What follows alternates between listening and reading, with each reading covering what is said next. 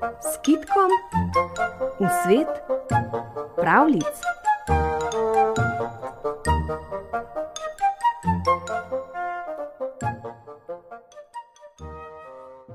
Visoko gori na severu, daleč od mesta in vasi, je v starih časih živela revna vdova s šestletnim sinkom.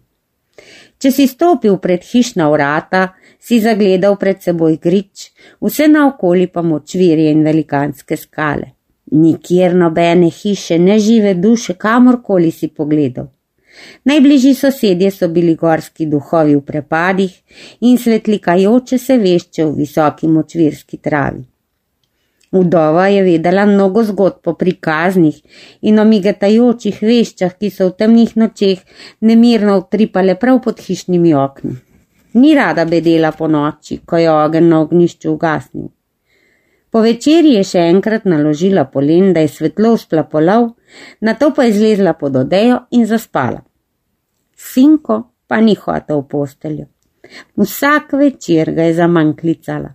Mirno se je igral ob ognju in je ni hotel slišati. Bil je že od rojstva malo trdoglav in čim bolj je silila van, tem manj je dosegla in ponavadi je deček uveljavil svojo voljo. Nekega večera pa, zima je že šla k koncu, se mati ni mogla odločiti, da bi pustila sinka samega z igračami pri ognju. Veter je butal v vrata in stresal okna, Mati pa je vedela, da v takih nočeh vile in škrati uganjajo svoje norčije. V takih le večerjih je najvarneje v posteli, je rekla sinku. Toda deček je ni slišal. Mati mu je zagrozila s palico, a nič ni pomagalo. Čim bolje prigovarjala in grozila, tem trdovratneje je odkimaval. Na vse zadnje je mati izgubila potrpljenje in je zakričala: Naj te le odnesejo hudobne vile.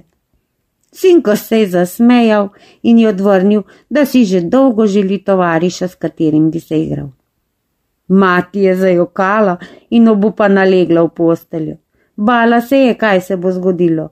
Njen mali ne pridi prav, pa je obsedel na pručki ob ognišču. Ni še dolgo sedel, ko je zaslišal frfotanje nad ogniščem. Skozi dimnik se je do njega spustila drobcena, čisto majcena deklica, najmanjša, kar si jo morete predstavljati. Niti za petje ni bilo. Imela je srebrne lase, oči zelene kot trava in lička rdeče kot rdeče vrtnice. Deček jo je v začuden gledal. O, je rekel, kako ti je ime? Jaz sama, je rekla s tenkim, ampak sladkim glaskom in ga ogledovala. In kako se imenuješ ti? Uh, prav tako kot ti, jaz sama, je previdno odvrnil deček in pričela sta se igrati. Deklica je iz pepela gnetla živalce, ki so bile kot žive in so se premikale in drevesa z zelenimi listi so rasla nad hišicami in drobceni možički in ženice so hodile sem in tja ter spregovorili brško je deklica dahnila vanje. Medtem pa je plamen na ognišču pojenil in le bleda svetloba ju je še oblivala. Deček je vzel polena in drehnil z njimi v žrjavico, da bi še usplamtela. Tedaj pa je sunil košček žarečega oglja, ki je padel točno na drobceno dekličino nožico. O, tako div je zacvililo vajlinsko dete, da si je deček nemudoma zamašil šesa. To da vrišč je naraščal in naraščal, kot bi vsi vetrovi sveta žvižgali skozi eno samo ključavnico. Spet je zašumelo na ognišču. Takrat pa deček ni več čakal, butnil je pod odejo in preplašeno gledal, kaj se bo zgodilo.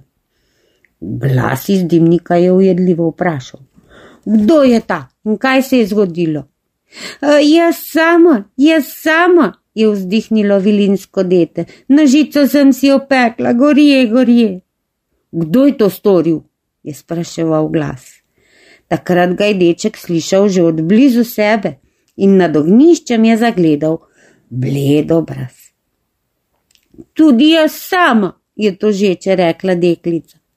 Čemu potem kričiš? je zaklicala vilinska mati in iztegnila dolgo, tanko roko, zgrabila dekliča za ušesce in nikoli več ga deček ni videl. Sinko je še dolgo bedel in poslušal, če se bo vilinska mati vrnila. Naslednji večer pa, kako se je mati čudila, je obogljivo šel v posteljo, ko mu je ukazala. O, slednjice je vendarle poboljšal, je mislila mati, sinko pa si je mislil, da bi se težko dobro izteklo, če bi se spet prišla z njim igrat, vilinska deklica, jaz sama.